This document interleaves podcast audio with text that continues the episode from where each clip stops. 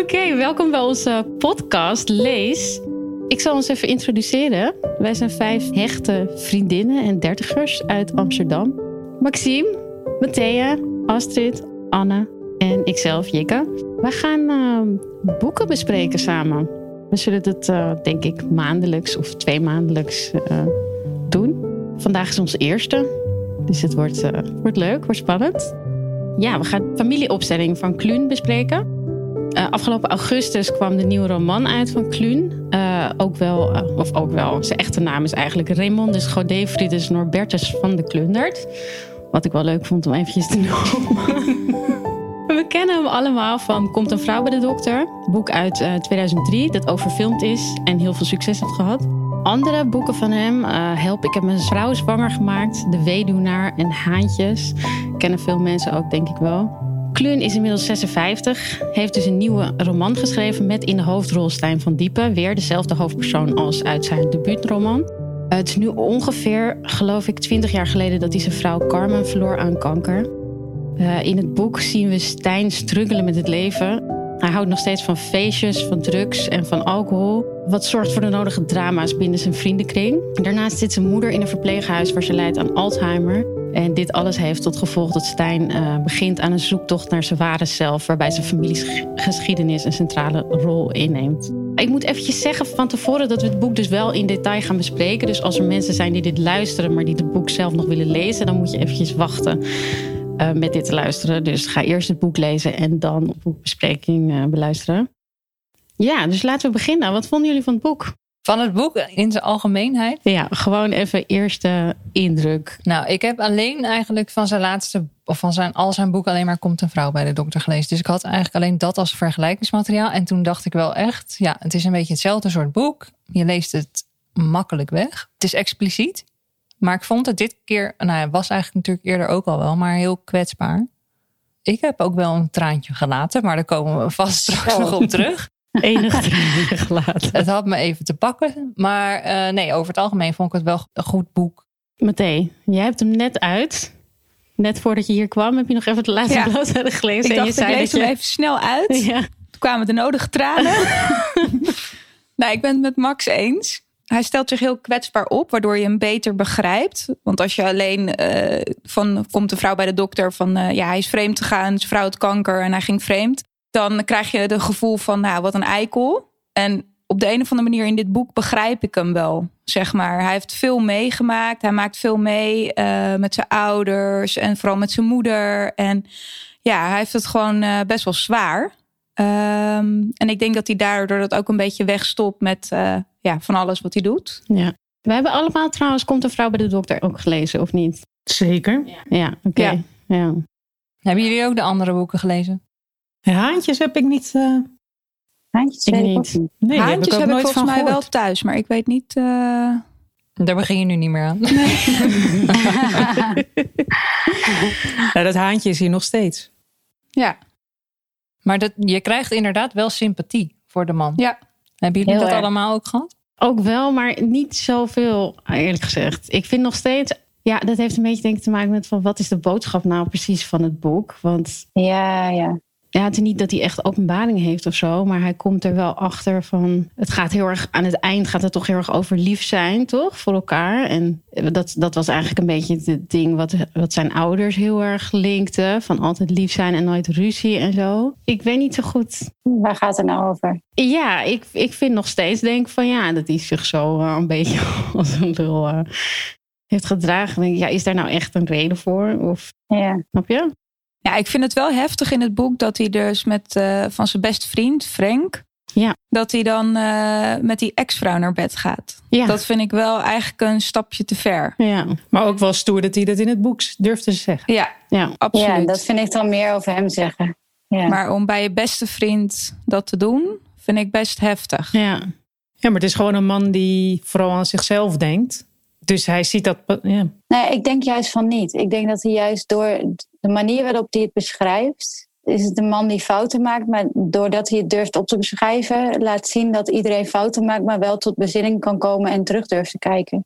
Als je kwetsbaar genoeg durft te zijn. Zo zie ik het dan meer van, Ja. oké, je maakt een fout. En daar kun je jezelf een ongelooflijke om vinden. Maar dat durft hij dan wel in een boek te beschrijven. En, en zich daarop, eh, wetend dat mensen daarover gaan vallen, dat toch op te schrijven. Dat vind ik echt, daar heb ik echt heel veel respect voor wel. Vooral omdat het heel veel gebeurt. Het is niet iets. Uh, alle onderwerpen die daarin voorkomen, vind ik echt het Amsterdamse leven vergeleken. Uh, Jikke zei het laatste keer heel mooi van. Vergeleken met het gewone leven wat zijn ouders hadden. En zijn Amsterdamse leven is natuurlijk totaal artificieel. Dus ik vind het heel logisch dat wat er gebeurt bij hem. Hij raakt gewoon helemaal de weg kwijt. En maakt dan zelfs fouten die hij zichzelf misschien niet eens kan vergeven. En dat vind ik meer hierachter zitten. Daar had hij geen familieopstelling voor hoeven doen, denk ik. Hij, hij komt daar ook een beetje achter tijdens die week dat hij in Ierland is. En dat hij dan op een gegeven moment op een vuilniszak moet gaan liggen. En dan moet gaan Ja, bedenken dat van wie de- komt er op je begrafenis. En dan gaat hij pas Ja. nadenken. Oh, misschien komt Frank direct niet op mijn begrafenis Ja. omdat ik dit heb gedaan. En dan geeft hij ook wel een beetje toe. Dit was eigenlijk echt onwijs stom dat ik dit heb gedaan. En ik wil juist hem wel op mijn begrafenis. Ja. En ik denk dat dat ook wel weer een stap voor hem is om die band weer te herstellen en ja, verder te gaan. Ja, ik denk dat ik dat een beetje miste. Dus dat je soort van. Ik vind die inkeer niet heel duidelijk, zeg maar. Nee, Die- het daar- stopt die op wordt het niet- Ja, daar stopt het eigenlijk inderdaad. En dan denk je van ja, maar dat zou eigenlijk juist de boodschap zijn of zo. Als je, als je verder ziet van ja, wat ga je er dan mee doen? Weet je wel? Dat je, er, je bent Ja, erachter dat je zo een lul bent geweest. En, en dan denk je van shit, misschien, misschien eindig ik echt wel in mijn eentje. Wat ga je dan doen? Wat, eh, hoe ga je dan je leven beteren? Ja, en ook omdat de titel familieopstelling is. Dus je zou dan denken van oké, want eh, dat is een middel om eigenlijk tot bezinning te komen. Daardoor doe je, daarvoor doe je een familieopstelling. Ja. En dat, dat komt inderdaad niet heel erg duidelijk naar voren. Nee. Maar heeft hij daar ook eigenlijk dan wat van geleerd? Want hij gaat er waarschijnlijk het open einde geeft wel een beetje aan dat hij valt op zijn psychiater, die de zus is van ook weer een- van een van zijn exen. Gaat het? Maar misschien was het wel de laatste in town die hij nog niet had gehad. Ja. Maar dat is wel een draad door het hele boek heen. Dat je toch merkt dat hij zich tot haar aangetrokken voelt. En dat hij zoiets heeft van. Ik wil wel wat met haar of zo. Dat idee Ja. krijg ik. Ja, en hij ook denkt dat hij kans maakt. Volgens Ja. mij hebben mannen daar wel vaker last van. Dat ze signalen zien die er niet altijd mogelijk zijn. Nou, As, laat ons nou geloven dat daar gewoon een heel mooi liefdesverhaal uitkomt. Misschien kunnen we het hem eens vragen of er een volgend boek komt. Ja, Nou, hij Ja. komt vaak eh, bij ons in de winkel. Dus eh, volgende Oh ja. keer als hij er is, eh, zal ik hem zeker die vraag stellen. nou Ja. dan laat het even van tevoren weten. Want dan kan we even terugvliegen hoor. Volgen wij hem ook allemaal nu op Instagram? Nee, dat nog niet. Misschien wel even leuk om te vertellen dat Anne niet bij ons zit. Dat hebben we volgens mij nog niet Oh ja. verteld. Nee. Anne heeft vieze voeten. Want Maar ze leest wel boeken. Ja, Anne die zit op dit moment in... ehm, waar zit je nu? Mozambique? Mozambique. Maar goed, met de technologie eh, van vandaag kan alles natuurlijk. Dus ben je er gewoon bij. Dit geeft wel diepgang, vind ik. Dat, je, dat, dit, dat laat ook zien in coronatijden. Dat je ten alle tijden gewoon verbinding kan maken met elkaar. En Ja. dat je dan ook echt fijne gesprekken kan voeren over hele mooie dingen. Dat, dat is wel heel cool. Zeker. Hé, hey, maar ehm eventjes een vraag. Wat, wat vonden jullie van de opbouw van het verhaal? Ik was wel verrast toen dat stuk van zijn opa en oma kwam. Ik had even moeite met omschakelen, want ik hou wel van snelle dialogen waar ik me mee kan identificeren. Of in ieder geval kan voorstellen waar hij zit, in Amsterdam of in Tilburg of wat dan ook. En toen, het, toen we opeens midden in de oorlog terechtkwamen, dacht ik wel, ja, kan ik dit hoofdstuk even sch- skippen? Echt? Maar toen zag ik dat het een stuk of twintig pagina's was. Toen dacht ik, nee, toch even gaan lezen. En daar heb ik geen spijt ben van jij een gehad. lezer die gewoon een hoofdstuk overslaat? Nee, normaal niet. Oh. Maar het, het, het stond me gewoon even, het, het stond me gewoon even tegen. Oh, ik vond dat juist fijn. Maar dat stuk, wacht even, dat, dat was precies het stuk waarbij ik dacht: wat, wat een omslag. En dat- ja, voor mij dat- ook. ja, oké. Ik kon die omschakeling even niet maken. Maar uiteindelijk vind ik het ook heel fijn dat ik het uiteindelijk niet heb op, eh, overgeslagen. Oké, dus je vond dat een mooi stuk? Of wat, wat vond ja, je daarvan? zeker. Ja. ja, zo zijn natuurlijk meerdere onderdelen in het boek waarbij hij teruggaat naar zijn jeugd. En vooral die Tilburgse accenten is natuurlijk echt hilarisch. Hadden jullie dat ook? Dat je dan in je hoofd het et en napraat? Ja, Echt mega. Ik heb het zelfs een keer hardop gedaan. Omdat ik dacht, hoe, klinkt- hoe klinkt Hoe het klinkt dit nou eigenlijk? Oh, het- dan, ja. Ik heb het, eh, ik heb het een paar keer. En ook gewoon kaart om mezelf gelachen. Dat dacht van, nou, dat klopt waarschijnlijk helemaal niet. Maar wil je een stukje voordoen, eh, Max? Oh ja, ik kan zo meteen Ja, wel even een stukje wel. voorlezen. Ik denk dat Anne dat beter kan. Anne, Omdat zij al een Tilburg? accent heeft. Ja, Anne, Anne praat al Twents, dus die kan ook wel Zuid, Zuid, Zuid-Brabant, zou ik zeggen, Noord-Brabant. Nee, maar dat, dat stuk dat dus uh, dat ineens een, um, dat oorlogsverhaal werd, ik vond het echt ik werd daar helemaal door gegrepen. Dat is echt dat stuk werd ik werd er helemaal ingesleurd. Terwijl ik tot dat moment dacht ik van oké, weet je wel, een licht boek, uh, uh, prima en uh, daar, kan je, daar lees je gewoon zo doorheen. Maar in één keer was het echt. ik vind het heel apart, omdat het ook zo'n andere schrijfstijl was. Ik denk van. Ja. Wat, wat, ik wist niet dat het Kluun dat ook kon. En en ik denk daardoor ook van, wauw, uh, wat heeft hij nog meer voor ons in petto? Kan hij ook ander soort boeken schrijven, weet je wel? Maar daardoor werd de titel van het boek ook heel duidelijk: familieopstelling. Want toen ik begon met lezen, dacht ik: ja, oké, dit gaat weer over Stijn en zijn affaires en uh, ja. vrouwen, et cetera. En ik dacht: familieopstelling, wanneer wordt het nou duidelijk wat het boek dan de titel uh, wat dat betekent. En dat werd wel heel erg duidelijk in die week in Ierland en in dat verhaal van zijn opa en oma. En dat vond ik daar wel mooi in opgebouwd. Ik vond het begin echt shownieuws gehad. Ja. Vertigo Boulevard of een van die andere. Nou, omdat hij een beetje aan het pochen was. Van, ja, daar kennen jullie me van. Hoe, hoe, hoe uh, mijn naam nog steeds super belangrijk is. En iedereen mij kent. En wat voor status ik wel niet heb. En uh, hoe ik weer in de nieuwsbladen ben terechtgekomen. Over mijn relaties. En toen dacht ik, ja, uh, hier kan je ook een slecht blaadje voor openstaan. Ja, maar doet hij dat ook niet om, om te laten zien wat eigenlijk de tendens is, op dit moment is in het, in het Amsterdamse leven? Dat dat dus dat het niet echt iets, dat hij dat niet doet om te pochen, maar meer om te laten zien van dit is eigenlijk een beetje hoe de maatschappij zich nu laat zien, uh, waar het om gaat. En dat hij eigenlijk tijdens de familieopstelling erachter komt dat wat de achtergrond is, wat mensen drijft tot dat soort gekke gedrag eigenlijk. Ja, en daardoor was de overgang natuurlijk nog groter. Ja, inderdaad. Het leek eigenlijk, het leek mij net twee boeken in één eigenlijk. Ja, want bij zijn moeder laat hij ook ander gedrag zien. Hè? Hij is er wel altijd voor zijn moeder. Ja. Dus dat hele, dat hele stoere, snelle leven, dat geeft hij zo op voor om naar zijn moeder te gaan. En dat vond ik ook wel mooi om te zien. Dat is heel bijzonder. Ja. En ook mooi om te zien hoe de band met zijn zus is. Nee, doet me ook meteen denken van wat is hier nou echt van waar en wat is fictief. Ja, dat wil je eigenlijk, volgens mij willen we dat allemaal gewoon heel graag weten. In hoeverre is het nou echt autobiografisch en in hoeverre is het bedacht? Nou, die stukken over zijn moeder, dat kan je bijna, dat, dat, dat, dat die Alzheimer ziekte, die is zo heftig. En dat weet ik van mijn eigen moeder. Nou, toen ik dat las, toen had ik wel zoiets van, hé, hey, dat is precies zoals het is. Dus als hij dat, zeg maar, als dat uh, fictie is, dan heeft hij dat heel goed verzonnen, want dat kan bijna niet. Dus ik denk dat dat wel echt waar is. Ja die simulatie, waarbij, je dus, uh, waarbij hij dus die um, container naar binnen ging. Om, ja. om oh, dat, te ervaren hoe het oh. is als je Alzheimer hebt. Toen dacht ik echt, wow, dit is echt heel heftig. Ja. Ik vond dat echt heel treffend voorbeeld. Ik weet niet of dat werkelijk ook iets is wat je kan doen. Maar ik, toen dacht ik wel echt van, jeetje Mina, wat een impact. Ja. En als je dat aan jezelf begint te merken, zeg maar. Ik vond het heel mooi dat hij die zus zo goed beschreef. Dat eigenlijk zij, zij werd echt de vermenselijking van de mens in het boek. Want die zus deed eigenlijk een zorg, die heeft een zorgberoep en die zorgt eigenlijk constant voor de, de menselijkheid in zijn bestaan. Want dan neemt hij hem mee en dan ineens zit hij in de ziekte terwijl hij de dag daarvoor nog knetter dronken en stoned en weet wat allemaal was. Wat eigenlijk natuurlijk niks met het echte leven te maken heeft. En ineens zij dropt hem eigenlijk constant, dat vond ik heel interessant aan die personage, constant terug in het echte leven. Ja. En dan stijgt hij langzaam weer in Amsterdam op naar een soort van fictief iets. En dan kwam zij weer met plof. Ja, Zo, oh, dat vind ik echt mooi gezegd mooi. wel, inderdaad. Ik, weet je, ik vond haar ook... Wat, wat, hoe heette zij? Chantal? Ja, ons, ons Chantal. Ons Chantal. Ons ik moest Chantal. aan jou denken meteen. ja. Natuurlijk, vanwege je moeder. Maar ook dat type. Dat ze zo... Regel, ja, echt. ja alles regelde en, en, en verzorgend. Ja. En, ja. Zonder klagen. En ook altijd lief over hem. Terwijl ik kan me zo voorstellen dat zij over hem zou zeggen wat een lul, hij doet niks. Maar in plaats daarvan zegt, ze tegen, zegt ons Chantal tegen iedereen van... uh, ja, want Stijn, uh, die... Uh, nou, ik zou zeggen, Stijn doet toch geen reet.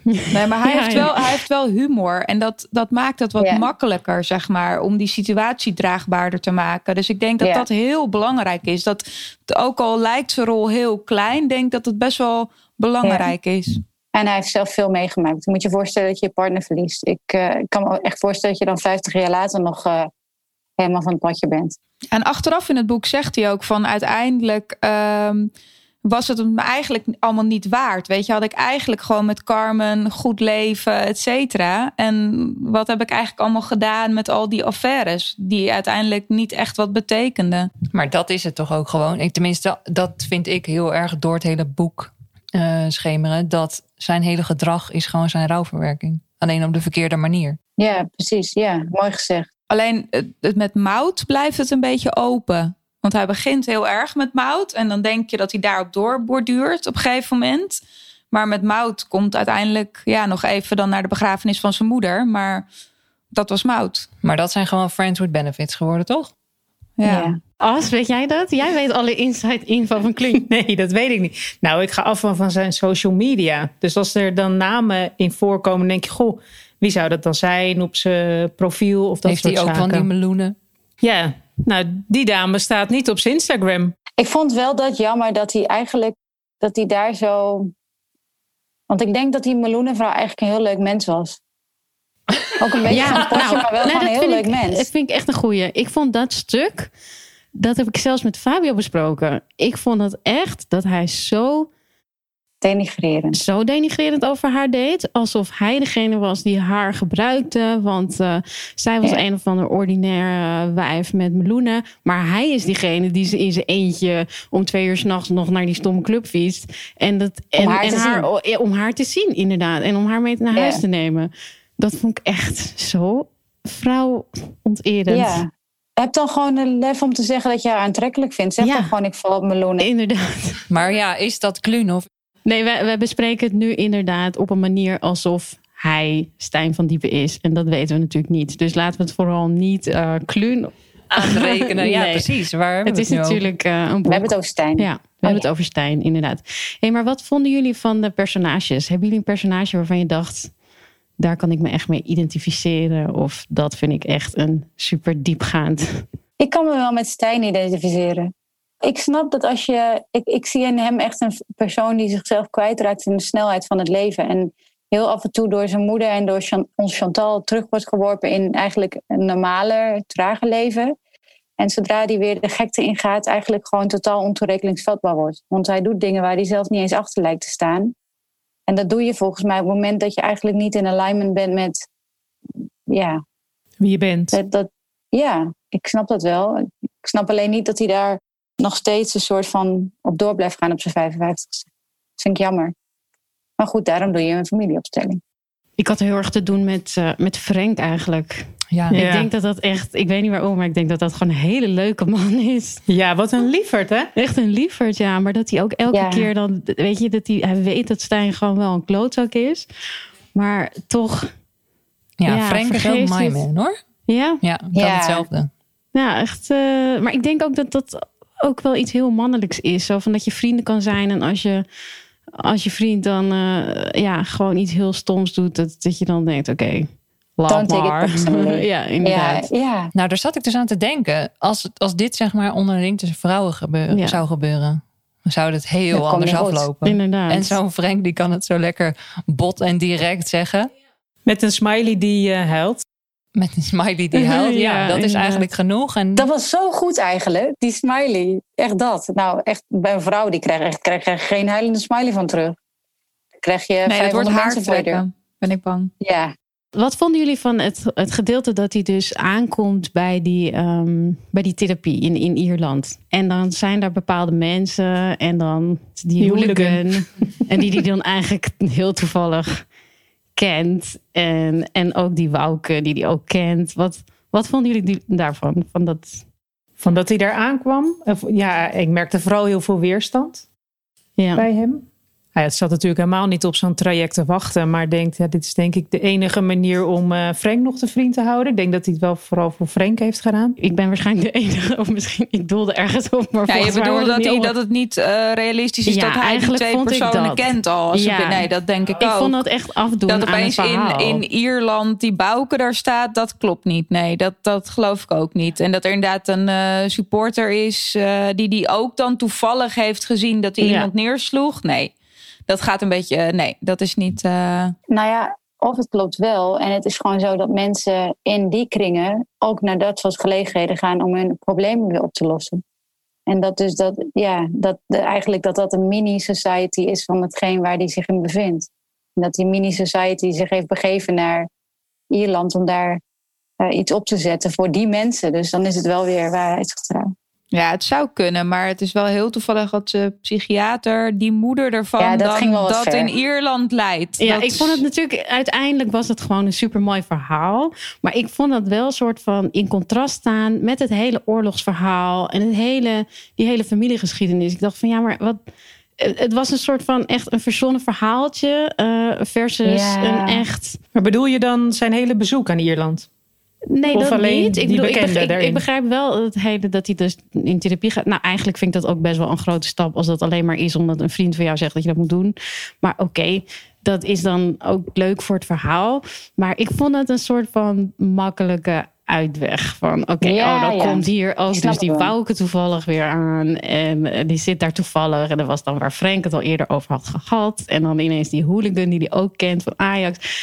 Dat, is, dat, dat vond ik, ja, ik vond het in contrast staan. Ik vond het afdoen aan, aan dat hele sterke eh, geschiedenisverhaal eigenlijk. Maar goed, dat is maar jij bent gewoon vol van het geschiedenisverhaal. Dus Ja, dan- nou, ik vond het gewoon onverwachts van Kluun. Ja, dat vond ik wel heel mooi. ja, was ook heel mooi. ook interessant om te horen over zijn familie en wat hij dan hopelijk echt heeft meegemaakt en dat, dat ja, mee te krijgen. Maar het was natuurlijk niet zomaar een vriend ook, hè, wat, waarvoor hij naar Ierland ging. Het was zijn beste vriend, waar hij met zijn ex-vrouw mee naar bed was gegaan. En dit was de laatste kans om weer die band te herstellen. Of tenminste, dus ja. Maar los van dat je het voor je beste vriend doet, zie je toch ook wel aan hem dat hij merkt: oké, ik ben mijn leven aan het vergooien. Al was dat vrij laat. Het is allemaal vrij laat. bij Ja, hij krijgt man, dat maar- in principe al vrij snel aan het begin van het boek door. Dat het met die mout uiteindelijk niet iets gaat worden. Die, die ziet er vanaf. En op dat moment heeft hij wel zoiets van: oké, wat gaan we nu verder doen? Want hij gaat al vrij snel naar die psychiater toe. Ja. Hey, en eh, hebben jullie allemaal gehuild? Of, eh, Ja. Ja, ja, allemaal? ontzettend. Jij niet? Oh? Echt niet? Nee? Nee? Maar dat komt denk ik omdat in Omdat de groeps... stuk hebben overgeslagen. Nee. nee, omdat, eh, omdat jullie het al hadden aangegeven dat jullie hadden gehuild. Dus dan was ik echt Oh, ja. gefocust op... zou dit het moment zijn dat ze gehuild hebben? En dus dan was ik meer daarmee bezig dan dat ik dacht... Ja, Ja, ik vond wel het wel verdrietig. Ja. Ja. Want, want Anne die, appt, eh, die appte het toch over die speech. En daardoor, Ja. daar heb ik ook niet Zo. gehuild. Want toen Oh, dacht ik ik ook wel. van dit Ik Ik wordt... heb jullie Ja, huilmoment gewoon gebroken. Oh, maar ik dacht dus, dit gaat, ik ben gewoon helemaal hysterisch omdat ik dus zwanger ben. Ik dacht, dit kan niet. Ik lag echt s'avonds in bed naast Fabio. Fabio zat wat anders te lezen. En, en ik weer helemaal in tranen. Maar echt dat ik naar de badkamer moest. om Echt, nou, Voor je snotneus. ja. ik heb ook tranen met tijd. Ik heb het ook drie Maar, keer gehad. ja, echt is- drie keer in het boek dat ik echt, Ja, dat het gewoon spontaan, dat ik echt giga zat te janken. ja. Ja, Maar ja, bij in die speech had ik het wel hoor. Maar niet zeg maar zo enorm... Geen waterval. Geen waterval. Nee. Oh, en weet je welk stukje ik het ook heel erg had? Bij ehm, eh, zijn moeder overlijdt dus. En dan wordt ze zeg maar uit het verzorgingstehuis, eh, volgens mij in de kist of zo. Wordt ze, en Met dan die is die medewerkster. Ja, Ja. en die doen ze zo'n boog. En meisje. die, dat meisje die dan spreekt. Nou, dat vond ik zo mooi. Ja, Dat lijkt me ook iets wat echt, echt is gebeurd. en dat gebeurt Ja. ook echt. Ja. Ja. ja. ik weet nog dat toen mijn oma stierf dat ook gebeurde. Dat iedereen van het eh, verpleegingstehuis echt allemaal netjes buiten stond. En toen dacht ik ook weer, oh ja, hoe, hoe echt is dat eigenlijk? Ja. Maar ik ben heel erg geobsedeerd door het echte leven, door wat Jikke ooit gezegd heeft. Dus nu, dat wordt een soort van rode lijn door mijn eh betoging. Maar ik las wel op het einde van het boek, bedankte hij ook eh, dat, eh dat ouderencentrum, die zorginstelling tegenover zijn woonboot. Hoe heet Ja. het? Ouder Oh? Amstel. Oh ja? Ik weet niet meer hoe het heet. Ehm, Oh, dat zit eh, daar. Iets ja. met bedankt dat ik daar maanden mocht vertoeven. Dus ik denk dat hij naast eh, de plek waar zijn moeder zat ook nog wel meer inspiratie heeft opgedaan Ah. bij Oh joh. Oh, wat Ja. grappig. Ja, je moet elke pagina Oh, lezen. hè? Jullie kennen me. Maar bedoel je over Amstel? Ja, als dat er staat. Over Amstel voor Ja. Het zit op die een- hoek bij Centuurbaan. Wat leuk. Eigenlijk beschrijft hij dus eigenlijk een soort van jong jongetje die is in zijn gekke gedragingen. En een wijze man die op andere manieren ineens met de oorlog en zo. Alsof het twee personen zijn in één persoon. Ja. Nou, ik vond dat stuk over die oom ook heel heftig. Dat Ja. die oom zich uiteindelijk Ja. heeft opgehangen. En, dat, dat, eh, en ook om dat dagboek van die oom te lezen. Dat vond ik ook een vrij heftig gedeelte van het boek. Dat is ook een best wel belangrijk gedeelte eigenlijk, wat we helemaal niet hebben besproken. Maar dat is eigenlijk ook een beetje de clue dat hij, Zo is als dat hij hij is. is zo- zoals zijn oom eigenlijk. Ja. Ja. Ja. want zijn ouders, daar lijkt hij eigenlijk helemaal niet op in, in- qua, qua het leven dat hij leidt. Nee, Want die, Nee. nee. nee. Alhoewel, het is natuurlijk wel zo bij zijn ouders. Alles is gezellig en leuk. En we maken geen ruzie Ja. en we gaan gewoon maar door.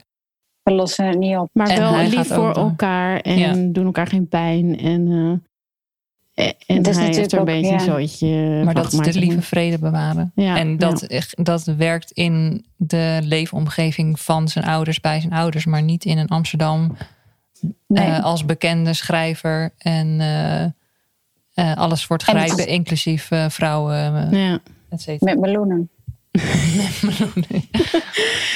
Nou, ik denk ook wel dat het heel duidelijk is dat, dat eh, generationele problemen, zeg maar, dat dat dus nog generaties door hebt. En dat het dus, waar, waar, wat het ook bekend is bij bijvoorbeeld Joodse mensen, dat, ze, dat de derde generatie daar nog steeds echt lijfelijk gewoon de, de klachten van ondervindt. Daar is dit natuurlijk ook een voorbeeld van. Want hij komt er eigenlijk achter dat de oorlogstaferelen, wat het eigenlijk nog steeds voor impact heeft op zijn leven nu, waarin hij eigenlijk hele gekke dingen doet die waar, die hij niet zou hoeven doen voor zijn leeftijd en zijn wijsheid. Dus dat is misschien ook wel een beetje. Ja. Ja. Dat, eigenlijk is dat gewoon ook een, een onderwerp wat natuurlijk sowieso heel erg actueel is. Dat heel veel generaties dingen doorwerken waar, je, waar hij nu eigenlijk ook wel de dupe van is. Want heel veel dingen kun je ook niet zoveel aan doen totdat je begrijpt waar het vandaan komt. En hij lijkt nu te begrijpen van, oh, daar kom ik vandaan. En nu heb ik zelf touwtje in handen om het anders te gaan doen. Of zo. Voor zijn kinderen weer, ja. Bijvoorbeeld. Over zijn kinderen gesproken. Ja. Die, die verjaardag, Ja. Zo. dat was een potje heftig. Oh ja. Lijkt me vooral voor die Roos best pittig om het allemaal gemaakt te moeten hebben. Ja, maar ik zie het jou ook doen. Hoe heeft ze dat allemaal En dan komt er een of andere dochter en die zegt gewoon... ja, maar mij- hij heeft gewoon eh, met mijn moeder geslapen. En het hele feest van 21 jaar. eh, Oh, nou, en mijn dat is een beetje waar ik toen sympathie had. Omdat ik dacht, hij wil het wel goed doen. Ja. Hij Ja. geeft wel duidelijk heel erg veel om zijn dochter. En daar wil hij alles voor laten. Daar gaat hij eigenlijk de mist in doordat iemand anders dat daar keihard loopt te verkondigen. Maar het was natuurlijk eigenlijk een heel mooi moment. Inclusief een hele diepe speech. Ja. Die echt wel denk ik bij iedereen aankwam. Ja. Maar Ja. dat moment werd een soort van volledig weggevaagd. Volgende hoofdstuk. En je bent het ook meteen vergeten. Ja. Maar dat is ook wel weer knap. Dat is wel een hele knappe omslag in het verhaal. Want Zeker. eigenlijk, ik werd vet geïrriteerd door dat meisje. Want ik dacht, ja, verwend nest. En vervolgens doet ze Hmm. eigenlijk iets wat ook wel weer heel dapper is. Want ik, ben, ik zou het zelf echt niet durven. Ik zou nooit daar durven gaan staan en zeggen... Nou, jongens, maar die vader, die heeft het dus met mijn moeder of zo, weet ik veel. Dan, Ja, Katja. Katja. ja. ja. Zij komt trouwens niet over als sympathiek. Nee. Nee, maar ja, dat was natuurlijk om Nee, het ook- uiteindelijk. Nee, maar het is ook wel haar vriendin, hè? Die haar 21ste verjaardag viert. En Haar vervolgens... opgedrongen vriendin. Ja, oké. Maar ja, ook uiteindelijk toch een vriendin. En Ja. dan besluit je wel ook het feest van haar natuurlijk te verpesten uiteindelijk. Want als je dat gaat zeggen, Ja. dan is het gewoon ja, maar klaar. ik denk, op die leeftijd denk je daar niet over na. En zij was natuurlijk gewoon Nee, waarschijnlijk. jong Ja. en boos op, eh Nou, op ik kan me dat Stijn. echt voorstellen. dacht, dit moet er nu uit. Nu, Heftig. met heel veel wijn. Hilarisch trouwens. Er zei iemand in een eh, recensie, toen ik het boek nog niet gelezen had. Nou, ik snapte van heel veel dingen snapte ik niks. Want eh, je moet wel echt Brabants kunnen spreken. Nou, dat vond ik dus echt niet. Sorry hoor. Ik vond het echt Dat geniaal. is hilarisch. Ja, dat ik maakte vond het het zo juist heel leuk, leuk. ja. Ja, vond ik ook. Ja, Wie, wie is die recensent? Wel, ik, ik heb wel toch steeds nog dat gevoel van ook van die stukjes die ertussen stonden over Tilburg. Daarmee probeerde die soort van ook weer een beetje een eh, geschiedeniskant eh, op te gaan, weet je wel? Ja, terug naar zijn roots van. Terug naar zijn roots, maar ook dat, daar had ik eigenlijk meer van willen zien of zo. Ja. Ik vond het, ja. Eh, Misschien heeft hij ja. te veel in één boek gepropt.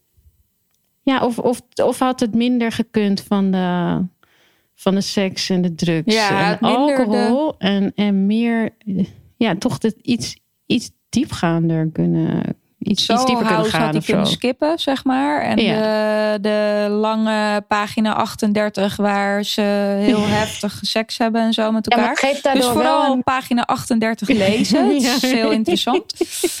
van voor naar achter en door de kamer. Dat. Absoluut.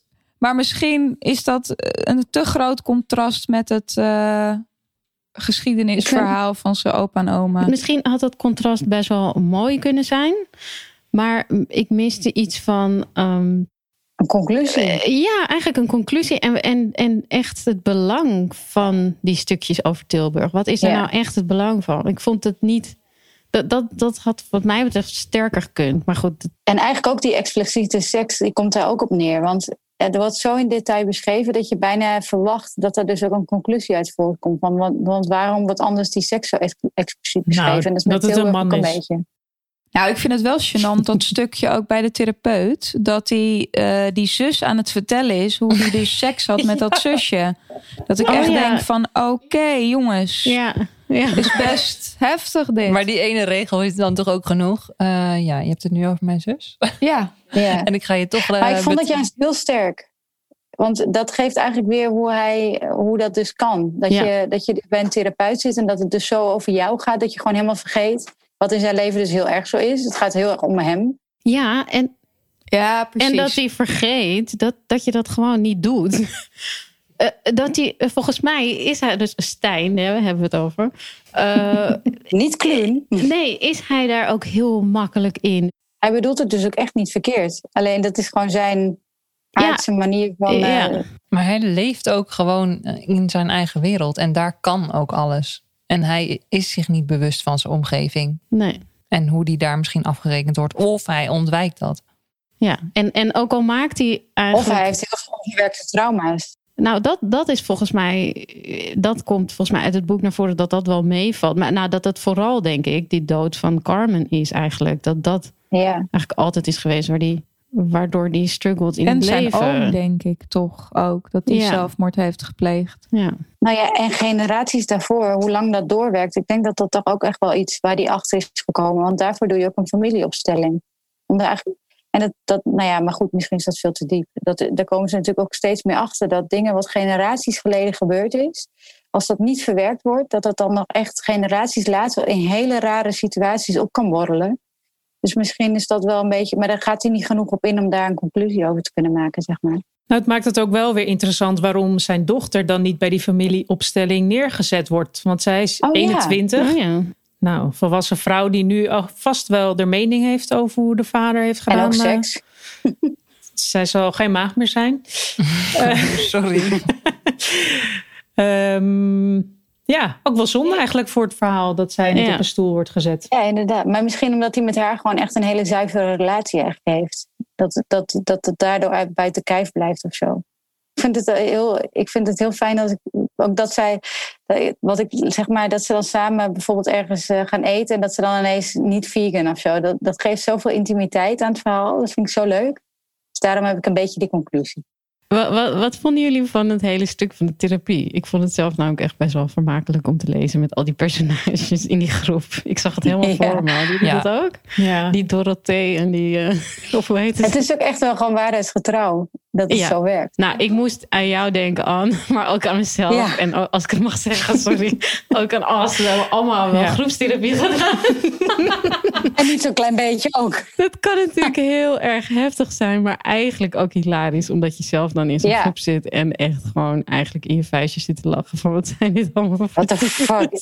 ja, dat je soms even van boven kijkt van wat zijn we aan het doen met Ja, ja. En zijn die mensen normaal gesproken doe ik hier niks met die mensen en ineens wordt het een soort van je intieme, ja. ja, die weten ineens alles van je. Eigenlijk is het best wel raar natuurlijk.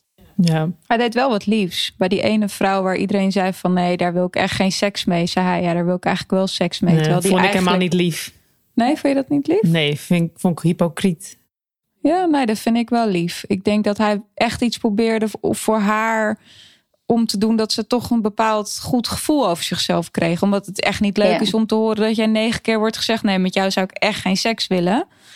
En dan deed hij toch van, nou, met jou zou ik wel. Nee, dat vond ik toch een topper. Maar dat creëerde ook een band uiteindelijk, Ja. toch? Want het Ja. was daarna wel een van de personen die echt het dichtst bij hem stonden in de groep. ja. Ja, die hem er niet uit had gezet. Ja, en die kwam ook op de begrafenis. Dat vond ik ook zo. Oh ja. Dat vond ik- Ja, moest ik ook echt wel een beetje heel huilen hoor. Zo mooi.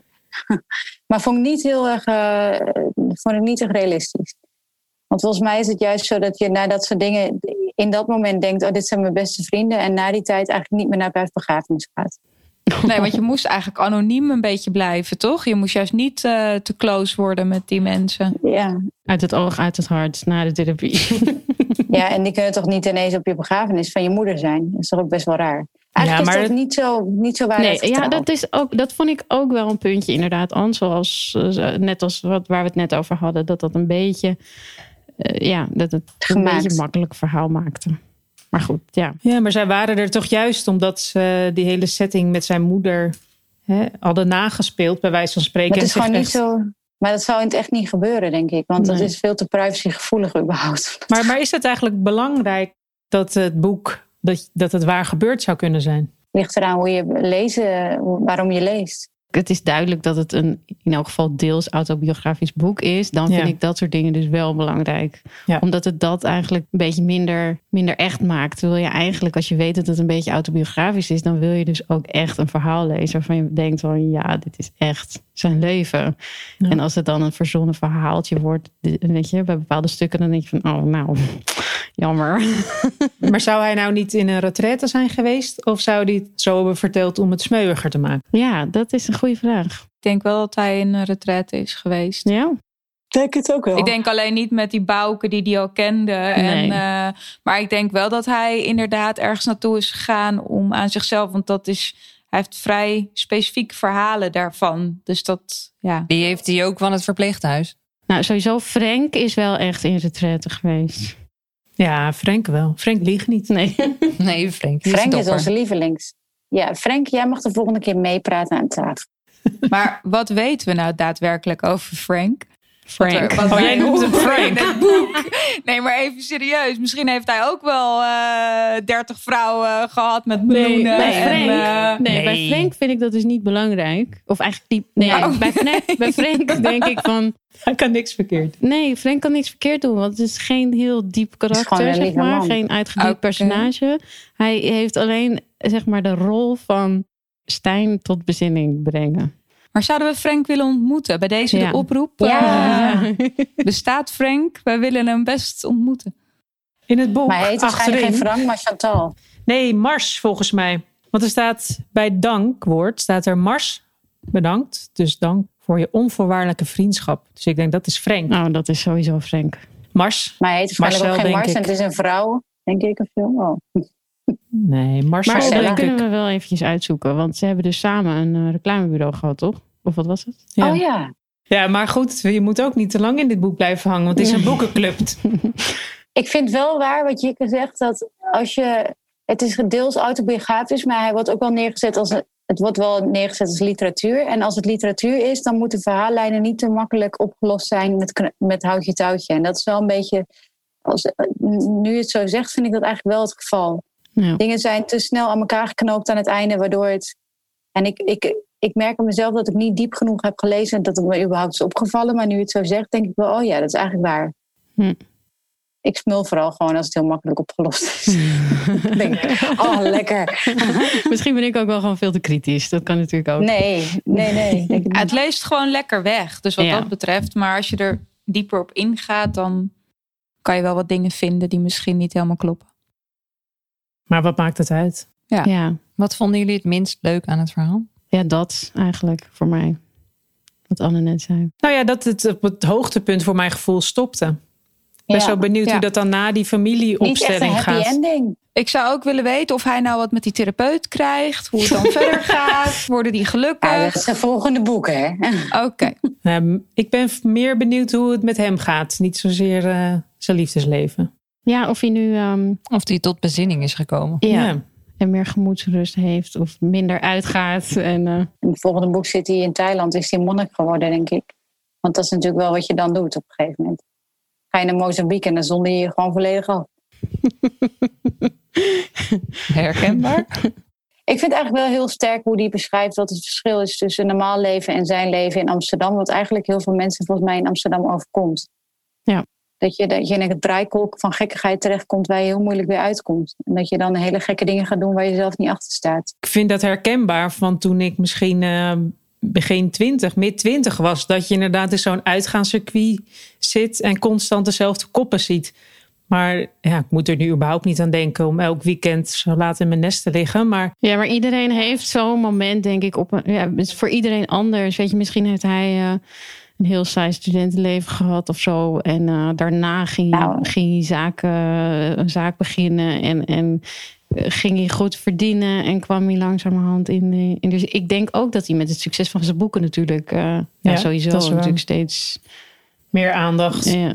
Ja. En wat Maxime heel mooi zei, want dat hij eigenlijk, uh, dit is natuurlijk één grote verkapte rouwverwerking. Wat hij niet doorheeft, dat hij eigenlijk dingen aan het wegstoppen is met gek gedrag. Want hij, natuurlijk zit hij gewoon met heel veel dingen die onopgelost blijven. En als je, dan maar, als je maar heel veel drugs gebruikt en heel veel seks hebt, en dat, dat, zei Maxime heel mooi. Van waarschijnlijk is, die, is het hele boek gewoon een beschrijving van zijn rouw. En allerlei omwegen die hij eigenlijk maakt om steeds bij hetzelfde weer terug te komen. Van de pijn waar hij niet naartoe kan. Dat, ja. ja, mooi gezegd. Goed, heel psychologisch. Ik zit gewoon Maxime te herhalen. Diep, diep. Diep aan. Stijn van Diepen. Sorry, ik heb je bij deze heb ik je helemaal binnenste buiten gekeerd. Ja. Kan, uh, 75 euro extra per uur. ik heb je wel door. Hey, maar um, zou je dit boek aanraden aan, aan een van je... Ja, ik vind ja, het wel wie een, zou je het aanraden? Ik zou vind het wel een lekker lezenboekje. En Ja? ik vind het ook, weet je, het is wel echt zo, het is niet echt een mega, mega diep boek. Het, leest makkelijk weg. Het is, het is wel echt een beetje zo'n vakantieboek. Dat wou ik net zeggen. Het is een vakantieboek.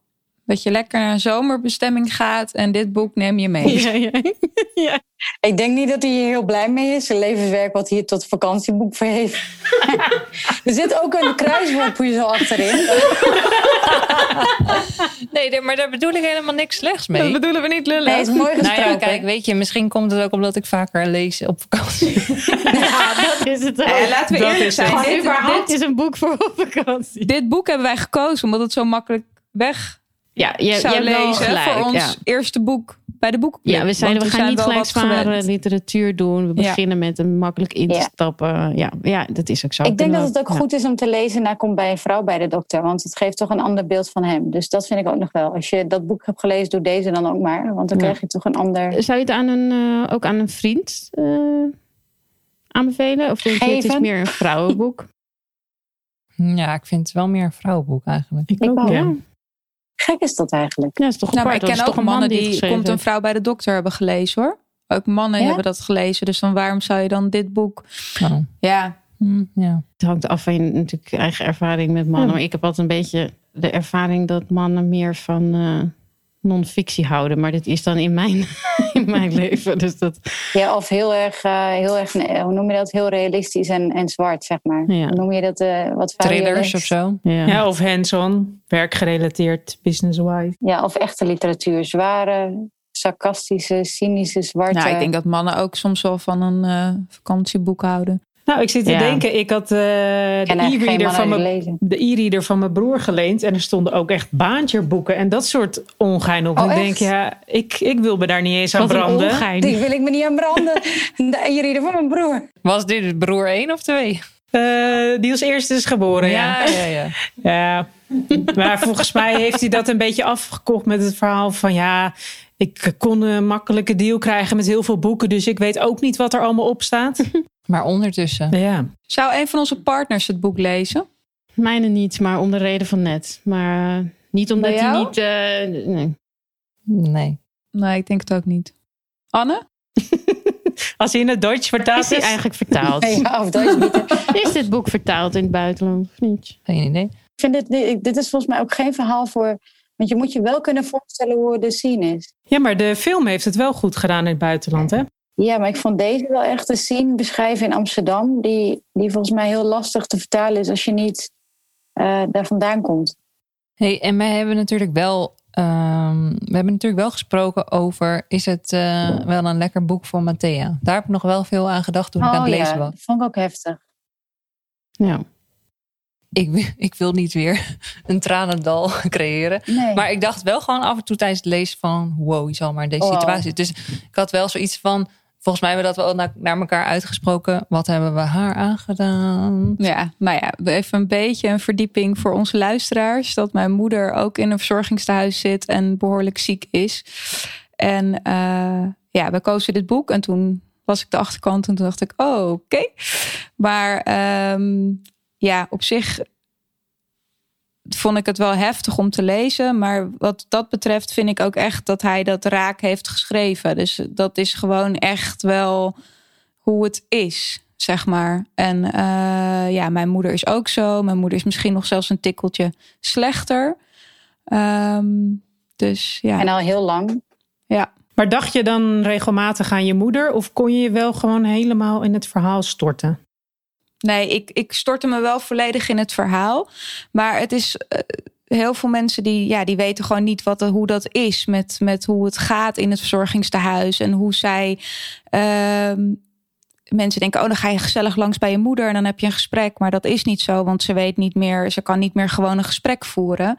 En Stijn benadrukte dat best wel goed. Dat eh, op een gegeven moment was zijn moeder dan weer even weg. En dan was het even te zwaar voor haar na een half uurtje. En dat kan ik me wel. eh, ja, dat zijn wel dingen die ik ook meemaak.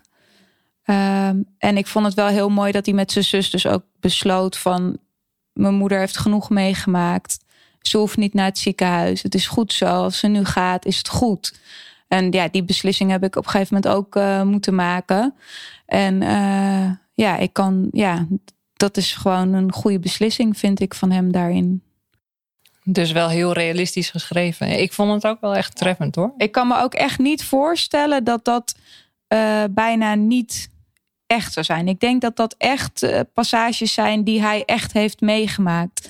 Ook met die andere man die zo gek deed in dat, eh dat die eh Ja, de verpleegkundige van- viel. Maar dat soort Ja. dingen gebeuren ook echt, hè? dat is in, bijna in weer te makkelijk, verzorgingstehuizen. En Meneer de Jong. Ja, Ja. dat dat dan wel weer... Ja. Wat was het nou, de vader? Of nee, of de, de opa ja, van dat die... het dan weer een, een vader was van die therapeut. Ja, dat, Ja, maar dat, dat- is dan en dat weer, was dan- te ver gezocht. Dat was dus de man van die therapeut dan, Ja. toch? Ja, Ja, maar ehm, in Ierland. Toch? Of de vader?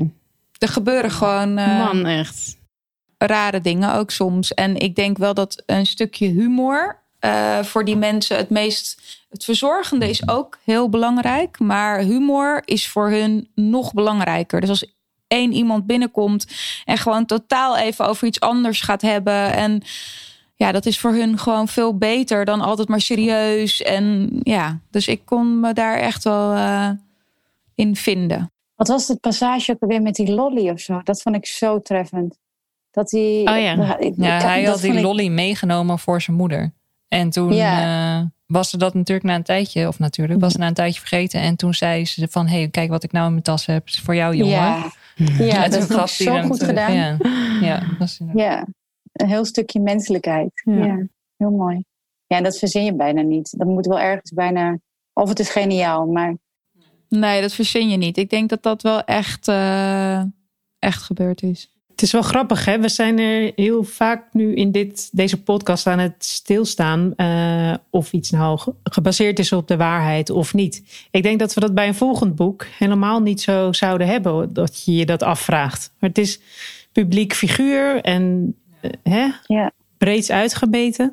ja, en hij doet dingen die heel erg Ja. eh, ethisch onder discussie staan natuurlijk. Dus het is ook heel makkelijk iets te vinden van vreemdgaan als je vrouw heel ziek is. Daar, vindt iedereen iets van, zeg maar. Ja, daar vindt iedereen iets van. En ik vind het ook aan de andere kant dus heel kwetsbaar eerlijk. Dat je dus Ik ook. al je flaws maar er eh, open Ja. gooit, zeg maar. Ja, en zelfs misschien erger maakt en mensen denken dat je echt zo bent en daar dus nog steeds gewoon lak aan durft te hebben. Dat vind ik echt wel knap. Ja. Ik zou het echt niet durven. Nou, meiden bedankt voor jullie eh Jullie bedankt. bijdrage. Ja, voor De deze luisteraars avond. voor het luisteren naar Ja. Tot de volgende keer. En laat even weten wat je ervan vond. Ja, ook. Ja. Dat was hem, de eerste. Ik hoop dat jullie het hartstikke leuk hebben gevonden. En hou ons in de gaten. En dan eh, op naar het volgende boek. Yes. Lees. Lees. Blijf lezen. Oké, You. bye. Hoi hoi. Hoi!